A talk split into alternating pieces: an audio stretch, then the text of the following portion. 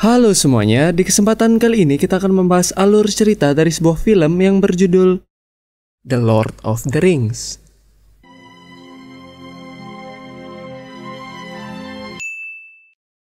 Oke, jadi sedikit disclaimer sebelum mulai. Untuk pembahasan kali ini, admin hanya akan membahas alur cerita secara garis besarnya saja, karena terlalu banyak hal yang harus di-cover dalam alur cerita Lord of the Ring ini. Jadi, admin mohon maaf jika menurut kalian ceritanya kurang lengkap atau kurang detail. Admin juga minta maaf kalau ada penyebutan nama yang salah, karena jujur aja admin ini masih newbie kalau soal The Lord of the Rings ini. Dan satu lagi, seperti biasa, kalau kalian nemuin kesalahan di penjelasannya, langsung aja disikat kolom komentarnya.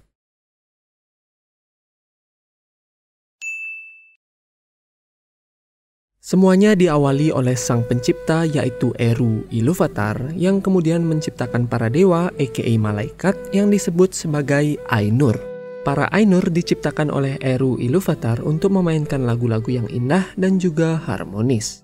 Seiring dengan lantunan lagu yang mereka mainkan, terciptalah Ea atau yang kita kenal sebagai alam semesta. Para Ainur kemudian ditugaskan oleh Eru Iluvatar untuk pergi ke Ea dan mempersiapkan sebuah tempat untuk ciptaannya. Sebelum memasuki Ea, Eru Iluvatar berkata kalau para Ainur tidak akan bisa keluar dari Ea hingga semua peristiwa yang terjadi di sana sudah berakhir. Sebagian dari para Ainur yang memasuki Ea kemudian terbagi menjadi dua kelompok, yaitu para Valar yang berkekuatan lebih besar dan para Mayar yang berkekuatan lebih lemah. Dengan bantuan Mayar, para Valar kemudian menciptakan Arda atau yang kita kenal sebagai bumi untuk menjadi tempat hidup bagi Children of Iluvatar, yaitu sebutan bagi para elf dan juga manusia. Salah satu Valar yang bernama Melkor berniat menguasai Arda untuk dirinya sendiri. Melkor kemudian mengacaukan persiapan para Valar lainnya dan terjadilah perang antara mereka. Para Valar yang dipimpin oleh Manwë, yaitu Valar yang paling mulia di antara mereka, akhirnya berhasil untuk mengalahkan Melkor. Para Valar kembali melanjutkan pembangunan Arda dan untuk menerangi Arda, para Valar kemudian membuat dua lampu yaitu Iluin yang berada di utara dan Ormal yang berada di selatan. Dengan adanya kedua lampu, Arda kini mulai dipenuhi oleh binatang dan juga tumbuh-tumbuhan. Setelah beberapa waktu berlalu, Melkor diam-diam datang kembali ke Arda dan membuat sebuah markas di utara untuk mempersiapkan penyerangan terhadap para Valar. Beberapa dari para Mayar kemudian beralih sisi dan bergabung menjadi pasukan Melkor. Salah satu dari mereka bernama Myron atau yang kemudian dikenal sebagai Sauron. Sauron ini awalnya merupakan Mayar yang melayani Aule, yaitu seorang Valar yang dijuluki The Smith dan membuat Sauron menjadi seorang pengrajin yang handal. Melkor bersama pasukannya kemudian memulai penyerangan dengan menghancurkan kedua lampu dan membuat Arda kembali diselimuti oleh kegelapan. Serangan Melkor yang terlalu dahsyat kemudian membuat Arda kini terbagi menjadi empat benua yang terdiri dari Aman yang berada di barat, Middle Earth yang berada di tengah, Dark Land yang berada di selatan, dan Land of the Sun yang berada di timur. Setelah Arda terbagi menjadi empat benua, para Valar kemudian pergi ke Aman di mana mereka mendirikan kerajaan Valinor dan menanam dua pohon cahaya yang menyinari Aman dari kegelapan. Sedangkan Melkor yang kini menguasai Middle Earth kemudian membangun markas rahasia yang bernama Angban dan menyuruh Melkor untuk menjaganya. Para Valar yang sudah tidak sabar untuk bertemu dengan Children of Iluvatar kemudian membuat bintang-bintang di langit untuk menyinari Arda secara keseluruhan. Dengan cahaya bintang-bintang ini muncullah para ras elf di Middle Earth dan juga diikuti dengan keluarnya para dwarf dari persembunyian. Para dwarf ini sebenarnya diciptakan oleh salah satu Valar yaitu Aule karena dia sudah tidak sabar untuk menunggu kemunculan Children of Iluvatar yaitu para elf dan juga manusia. Aule yang menyadari kesalahannya kemudian menawarkan para dwarf-dwarf ini kepada Eru Iluvatar untuk mengadopsi mereka sebagai ciptaannya. Eru Iluvatar menerima tawaran Aule dengan syarat kalau para dwarf tidak boleh muncul sebelum kemunculan para elf. Melkor yang mengetahui para elf telah muncul kemudian menculik beberapa elf dan mempengaruhi mereka untuk menghasilkan spesies baru yang dikenal dengan nama orc dan juga troll. Mengetahui tentang perbuatan Melkor, para Valar kemudian pergi ke Middle Earth untuk menyerang Melkor dan menyelamatkan para elf. Melkor akhirnya berhasil dikalahkan dan dibawa ke Valinor untuk menjalani hukumannya sebagai tahanan selama 300 tahun. Walaupun berhasil menangkap Melkor, sayangnya para Valar gagal untuk menangkap Sauron dan pasukan lainnya yang bersembunyi di Angban. Untuk melindungi para elf, para Valar kemudian mengundang para elf untuk hidup di aman. Sayangnya tidak semua elf mau untuk meninggalkan Middle Earth karena mereka sudah terlalu nyaman untuk tinggal di Middle Earth. Mereka yang memutuskan untuk pergi kemudian dipimpin oleh tiga elf yang bernama Finwë, Ingwe, dan juga Elwë. Para elf kemudian memulai perjalanan mereka menuju aman, tetapi Elwë sayangnya gagal melanjutkan perjalanan karena di perjalanan dia terpesona oleh seorang mayar yang bernama Melian. 300 tahun telah berlalu dan Melkor kini telah terbebas dari penjaranya. Singkat cerita, Melkor yang masih diselimuti oleh kejahatan kemudian berhasil untuk menghancurkan kedua pohon cahaya dengan bantuan teman laba-labanya. Dalam pelariannya, Melkor membunuh salah satu pemimpin elf yaitu Finwë dan membuatnya dikejar oleh Fëanor yaitu anak dari Finwë hingga ke Middle Earth. Sejak saat itu, Melkor kemudian diberi julukan oleh Fëanor sebagai Morgoth the Black Enemy. Dengan hilangnya kedua pohon cahaya, Aman kini kembali berada dalam kegelapan. Para Valar kemudian menggunakan buah dan bunga yang tersisa dari pohonnya untuk menciptakan matahari dan juga bulan.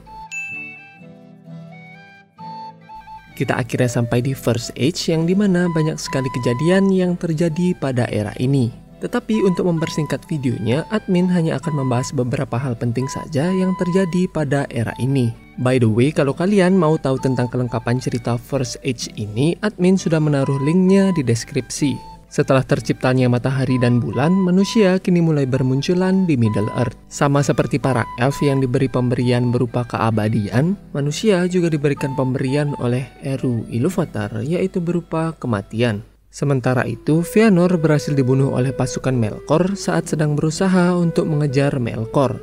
Seiring berjalannya waktu, manusia kini mulai bertemu dengan para elf dan mereka kemudian menjalin hubungan yang baik antara satu sama lainnya. Singkat cerita, salah satu manusia yang bernama Beren kemudian jatuh cinta dengan seorang elf yang bernama Luthien.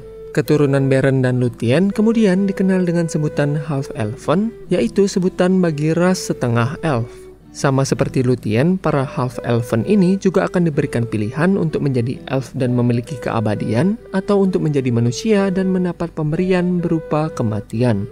Di tempat yang berbeda, Fingolfin yaitu adik dari Fëanor kemudian menyerang Melkor dengan bantuan para manusia, tetapi sayangnya mereka berhasil dikalahkan oleh Melkor karena Melkor kini memiliki pasukan baru yaitu para naga. Fingolfin mati dalam penyerangannya dan perjuangannya untuk melawan Melkor terus berlanjut hingga ke keturunannya. Seiring berjalannya waktu, Melkor terus menyerang para elf dan kini dia berniat untuk melenyapkan mereka untuk selama-lamanya. Dalam keputusasaan, Earendil, salah satu keturunan dari Fingolfin, bersama istrinya yaitu Elwing, keturunan dari Beren dan Luthien, kemudian pergi ke Aman untuk meminta bantuan para Valar untuk menghentikan Melkor. Para Valar dan Mayar kemudian bergegas pergi ke Middle Earth untuk melawan Melkor. Sesampainya di Middle Earth, Valar bersama Mayar kemudian beraliansi dengan para elf dan juga manusia untuk melawan Melkor bersama pasukannya. Peperangan besar kemudian terjadi dan setelah 40 tahun berperang, Melkor akhirnya berhasil dikalahkan untuk yang terakhir kalinya. Melkor kemudian dibawa ke Aman untuk menjalani hukumannya. Sesampainya di Aman, Melkor kemudian dipenggal sebagai hukumannya dan jiwa Melkor kemudian dikurung di alam baka hingga akhir dari dunia. Setelah Melkor dikalahkan, para Valar kemudian mengajak para elf untuk kembali ke Aman. Sebagian besar para elf kembali ke aman, tetapi beberapa elf seperti Gil-galad, Galadriel, Celeborn, dan juga Orover memutuskan untuk tinggal di Middle Earth. Sementara itu, para manusia yang ikut dalam peperangan melawan Melkor kemudian diberi hadiah oleh para Valar, yaitu berupa pulau bernama Numenor yang terletak di antara Aman dan Middle Earth. Kita juga diperlihatkan anak kembar dari Earendil dan juga Elwing, yaitu Elros yang memutuskan untuk menjadi manusia dan menjadi pemimpin di Numenor. Sedangkan kembarannya yaitu Elrond memutuskan untuk menjadi elf dan menjadi penasihat dari Gil-galad, yaitu keturunan dari Fingolfin yang kini memimpin para elf sebagai raja kerajaan Noldor.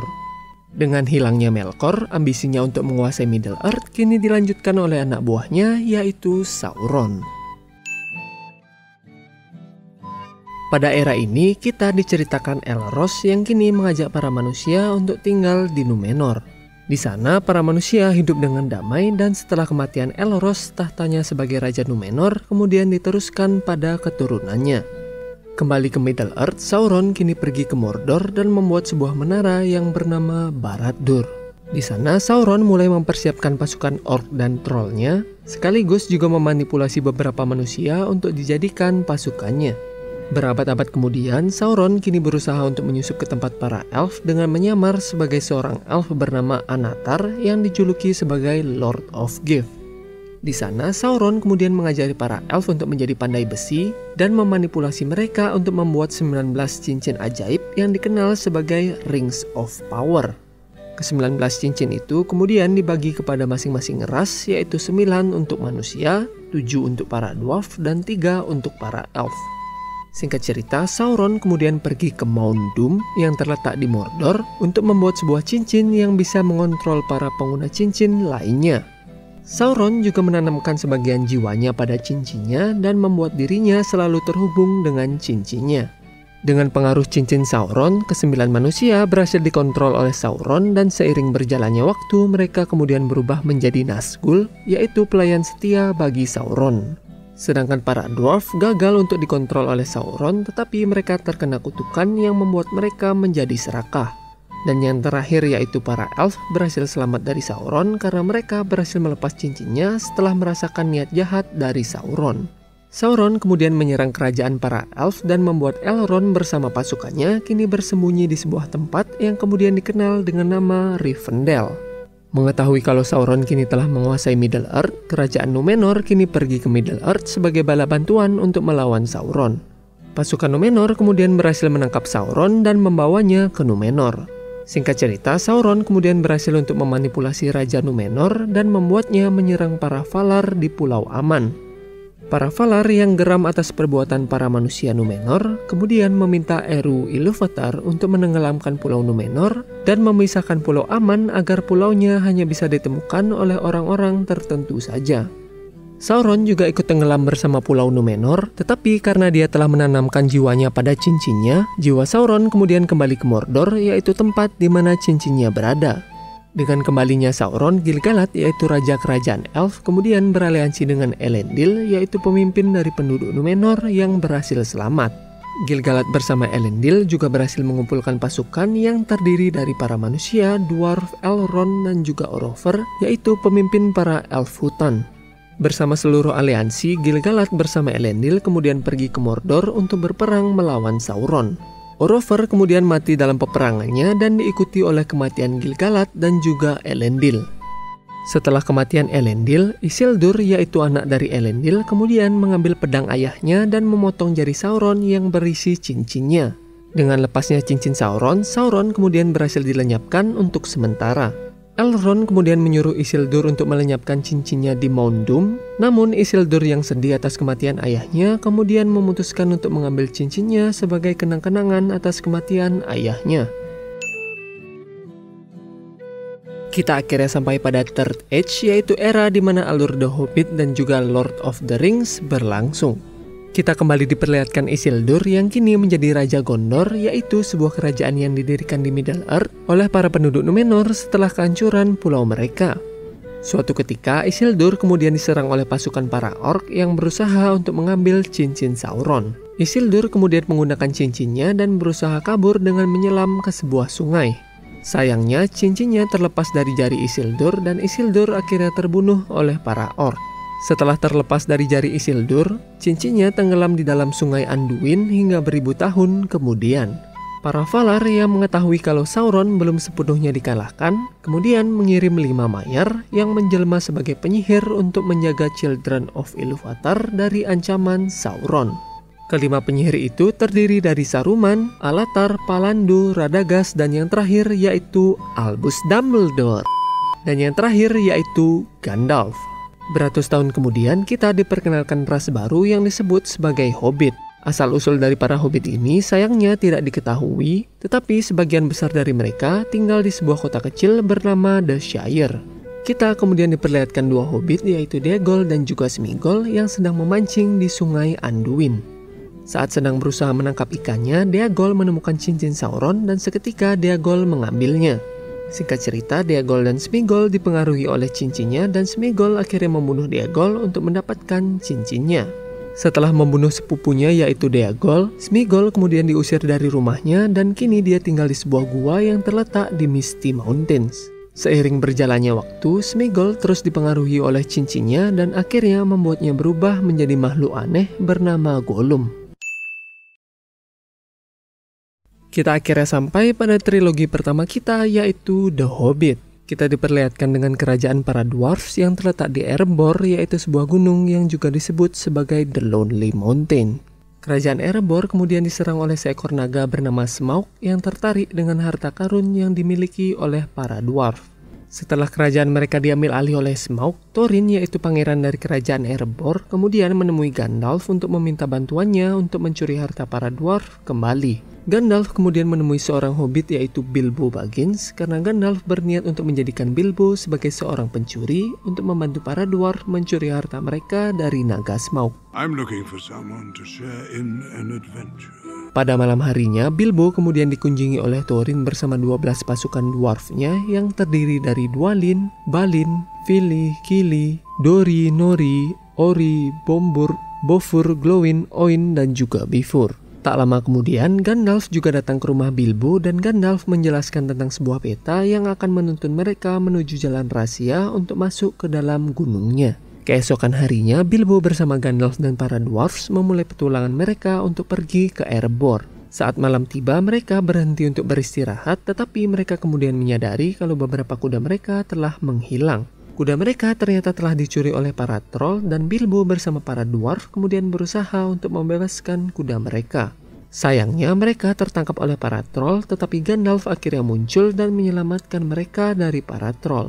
Mereka kembali melanjutkan perjalanan dan mereka bertemu dengan Radagast yang memberitahu Gandalf tentang iblis yang dijuluki The Necromancer yang tinggal di Dol Guldur. Dol Guldur. Mereka kemudian tiba di kota para elf yaitu Rivendell. Rivendell. Di sana mereka menemui Elrond dan memintanya untuk mentranslate peta menuju gunungnya.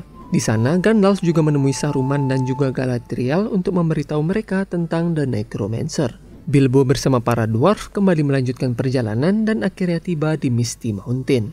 Sesampainya di sana, para dwarf tertangkap oleh para goblin sedangkan Bilbo terjatuh ke dalam sebuah jurang saat sedang berusaha untuk melawan seorang goblin. Di sana Bilbo mengambil cincin Sauron yang tidak sengaja terjatuh dari saku Gollum. Gollum berusaha mengejar Bilbo tetapi untungnya Bilbo tidak sengaja memakai cincinnya yang kemudian membuatnya bisa menghilang. Singkat cerita, para dwarf seperti biasa diselamatkan oleh Gandalf dan mereka berhasil kabur dari kerajaan para goblin. Setelah berhasil keluar dari Misty Mountain, para orc kemudian menyerang mereka karena pemimpin mereka yaitu Azog berniat untuk balas dendam pada Thorin karena Thorin telah memotong tangannya. Untungnya Gandalf kemudian memanggil para elang dan seperti biasa mereka berhasil selamat. Mereka kembali melanjutkan perjalanan dan Gandalf kemudian menyarankan mereka untuk melewati Mirkwood agar mereka bisa sampai di Erebor lebih cepat. Sesampainya di hutan Mirkwood, mereka berpisah dengan Gandalf karena Gandalf memutuskan untuk pergi ke Dol Guldur untuk menyelidiki si Necromancer. Para dwarf kemudian tertangkap oleh para elf hutan yang dipimpin oleh Tauriel dan pangeran dari kerajaan elf hutan yaitu Legolas. Untungnya Bilbo berhasil menyusup ke dalam istananya dengan menggunakan kekuatan cincinnya. Di sana Thorin bertemu dengan Thranduil yaitu raja dari kerajaan elf hutan yang sekaligus juga ayah dari Legolas dan anak dari Orover. Thranduil kemudian berkata kalau dia akan melepaskan para dwarf jika Thorin memberikan sebuah perhiasan yang tersimpan di Erebor. Sayangnya Thorin tidak setuju dengan permintaan Thranduil dan Thorin kemudian dipenjara bersama para dwarf lainnya. Untungnya Bilbo berhasil mencuri kunci penjaranya dan mereka akhirnya berhasil kabur dengan menggunakan gentong minuman. Setelah berhasil kabur dari para elf, mereka bertemu dengan seorang manusia bernama Bart dan menyewanya untuk membantu mereka melewati Lake Town. Singkat cerita, mereka tertangkap oleh warga Lake Town dan Thorin kemudian memberitahu warga Lake Town tentang identitasnya. We have come mereka kembali melanjutkan perjalanan setelah Thorin menjanjikan sebagian harta Erebor kepada warga Lake Town. Sayangnya Kili tidak bisa melanjutkan perjalanan karena Kili terkena panah beracun milik para orc. Sementara itu, Gandalf kini berada di Dol Guldur dan menyadari kalau si Necromancer ternyata adalah Sauron. Pada saat ini, Sauron sedang bersembunyi di Dol Guldur karena kekuatannya belum pulih sepenuhnya. Kembali ke para dwarf, mereka akhirnya berhasil tiba di gunungnya. Setelah memasuki gunungnya, para dwarf kemudian menyuruh Bilbo untuk mencuri Arkenstone dari naga Smaug. Arkenstone ini adalah sebuah permata yang menjadi simbol dari kerajaan para dwarf.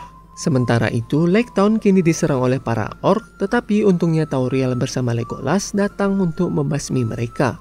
Di sana, Tauriel juga menyembuhkan Kili dari racunnya. Kembali ke Erebor, Bilbo tidak sengaja membuat Smaug bangun saat berusaha mengambil Arkenstone-nya. Bilbo berhasil mengambil Arkenstone-nya, tetapi Smaug yang marah akhirnya pergi menuju Lake Town. What have we done? Kita diperlihatkan Smaug yang kini menghancurkan kota Lake Town. Untungnya Bar berhasil membunuh Smaug dengan menggunakan panah hitam milik ayahnya. Sementara itu Gandalf tertangkap oleh para orc atas perintah dari Sauron, tapi untungnya Galadriel datang bersama Elrond dan Saruman untuk menyelamatkan Gandalf. Di sana mereka bertarung melawan para Nazgul dan Galadriel akhirnya berhasil mengusir Sauron untuk kembali ke Mordor. Kembali ke Erebor, Bilbo menyadari kalau Thorin terkena penyakitnya para dwarf, yaitu penyakit tergila-gila pada harta. Jadi Bilbo kemudian menyembunyikan Arkenstone-nya dari Thorin. Sementara itu, Thranduil berencana menyerang Erebor untuk mengambil perhiasan yang didambakannya.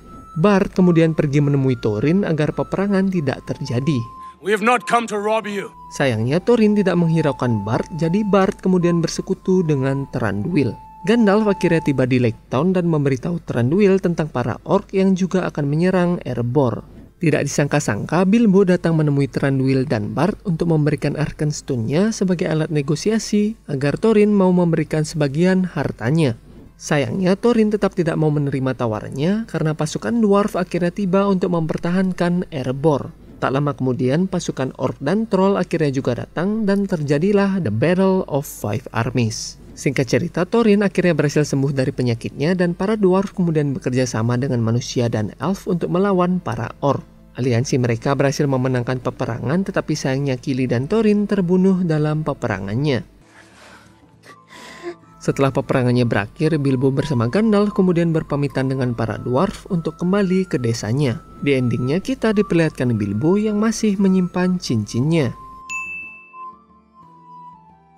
Kita akhirnya sampai pada trilogi kesayangan kita yaitu The Lord of the Rings. Ceritanya berlanjut sekitar 60 tahun setelah film The Hobbit. Kita kembali diperlihatkan Bilbo yang kini berumur 111 tahun dan sekarang ia tinggal bersama keponakannya yaitu Frodo Baggins. Gandalf kemudian datang menemui Bilbo untuk merayakan pesta ulang tahun Bilbo yang ke-111. Bilbo kemudian berkata pada Gandalf kalau dia berniat untuk berpetualang lagi dan pergi ke Rivendell. Sebelum kepergiannya, Gandalf menyuruh Bilbo untuk meninggalkan cincinnya dan mewariskannya pada Frodo. Gandalf akhirnya menyadari kalau cincinnya adalah cincin Sauron dan Sauron kini telah mengirim para Nazgul untuk mencari cincinnya. Gandalf kemudian menyuruh Frodo untuk pergi membawa cincinnya. Frodo kemudian mengajak sahabatnya yaitu Samwise Gamgee untuk pergi bersamanya. Dalam perjalanan mereka bertemu dengan teman hobbit mereka yaitu Merry dan Pippin yang akhirnya ikut dalam petualangan mereka. Sementara itu Gandalf menemui Saruman untuk meminta bantuan, tetapi Gandalf kemudian menyadari kalau Saruman ternyata telah bersekutu dengan Sauron. We must join with him. Tim Frodo kini tiba di desa Bree dan bertemu dengan teman Gandalf yaitu seorang manusia bernama Aragorn. Aragorn adalah keturunan dari Isildur dan kini dia berniat membantu Frodo untuk kabur dari para Nazgul. Dalam perjalanan mereka diserang oleh para Nazgul dan Frodo tertusuk oleh salah satu pedang Nazgul yaitu pedang Morgul. Untungnya mereka bertemu dengan seorang elf yaitu Arwen yang merupakan anak dari Elrond. Arwen kemudian membawa Frodo ke Rivendell dan meminta Elrond untuk menyembuhkannya. Di sana, Frodo kembali bertemu dengan Gandalf dan juga pamannya yaitu Bilbo.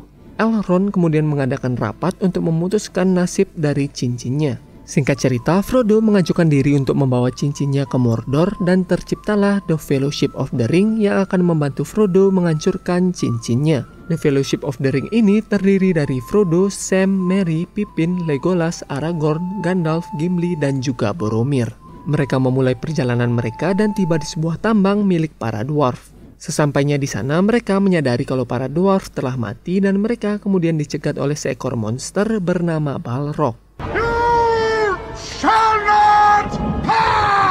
Mereka akhirnya berhasil kabur, tetapi Gandalf sayangnya mati saat berusaha melawan Balrognya. Mereka kembali melanjutkan perjalanan dan tiba di Lothlorien, yaitu tempat tinggal dari Galadriel dan suaminya yaitu Celeborn. Sebelum melanjutkan perjalanan, Galadriel memberikan sebuah hadiah kepada masing-masing dari mereka. Dalam perjalanan mereka diserang oleh para orc dan para orc kemudian berhasil untuk menangkap Merry dan juga Pippin. Boromir berusaha untuk menyelamatkan Merry dan Pippin tetapi sayangnya dia akhirnya terbunuh. Aragorn bersama Legolas dan Gimli kemudian berusaha untuk menyelamatkan Merry dan Pippin sedangkan Frodo bersama Sam kembali untuk melanjutkan perjalanan menuju Mordor. Frodo bersama Sam kembali melanjutkan perjalanan, tetapi tidak disangka-sangka mereka bertemu dengan Gollum yang sedang berusaha untuk mencuri cincinnya.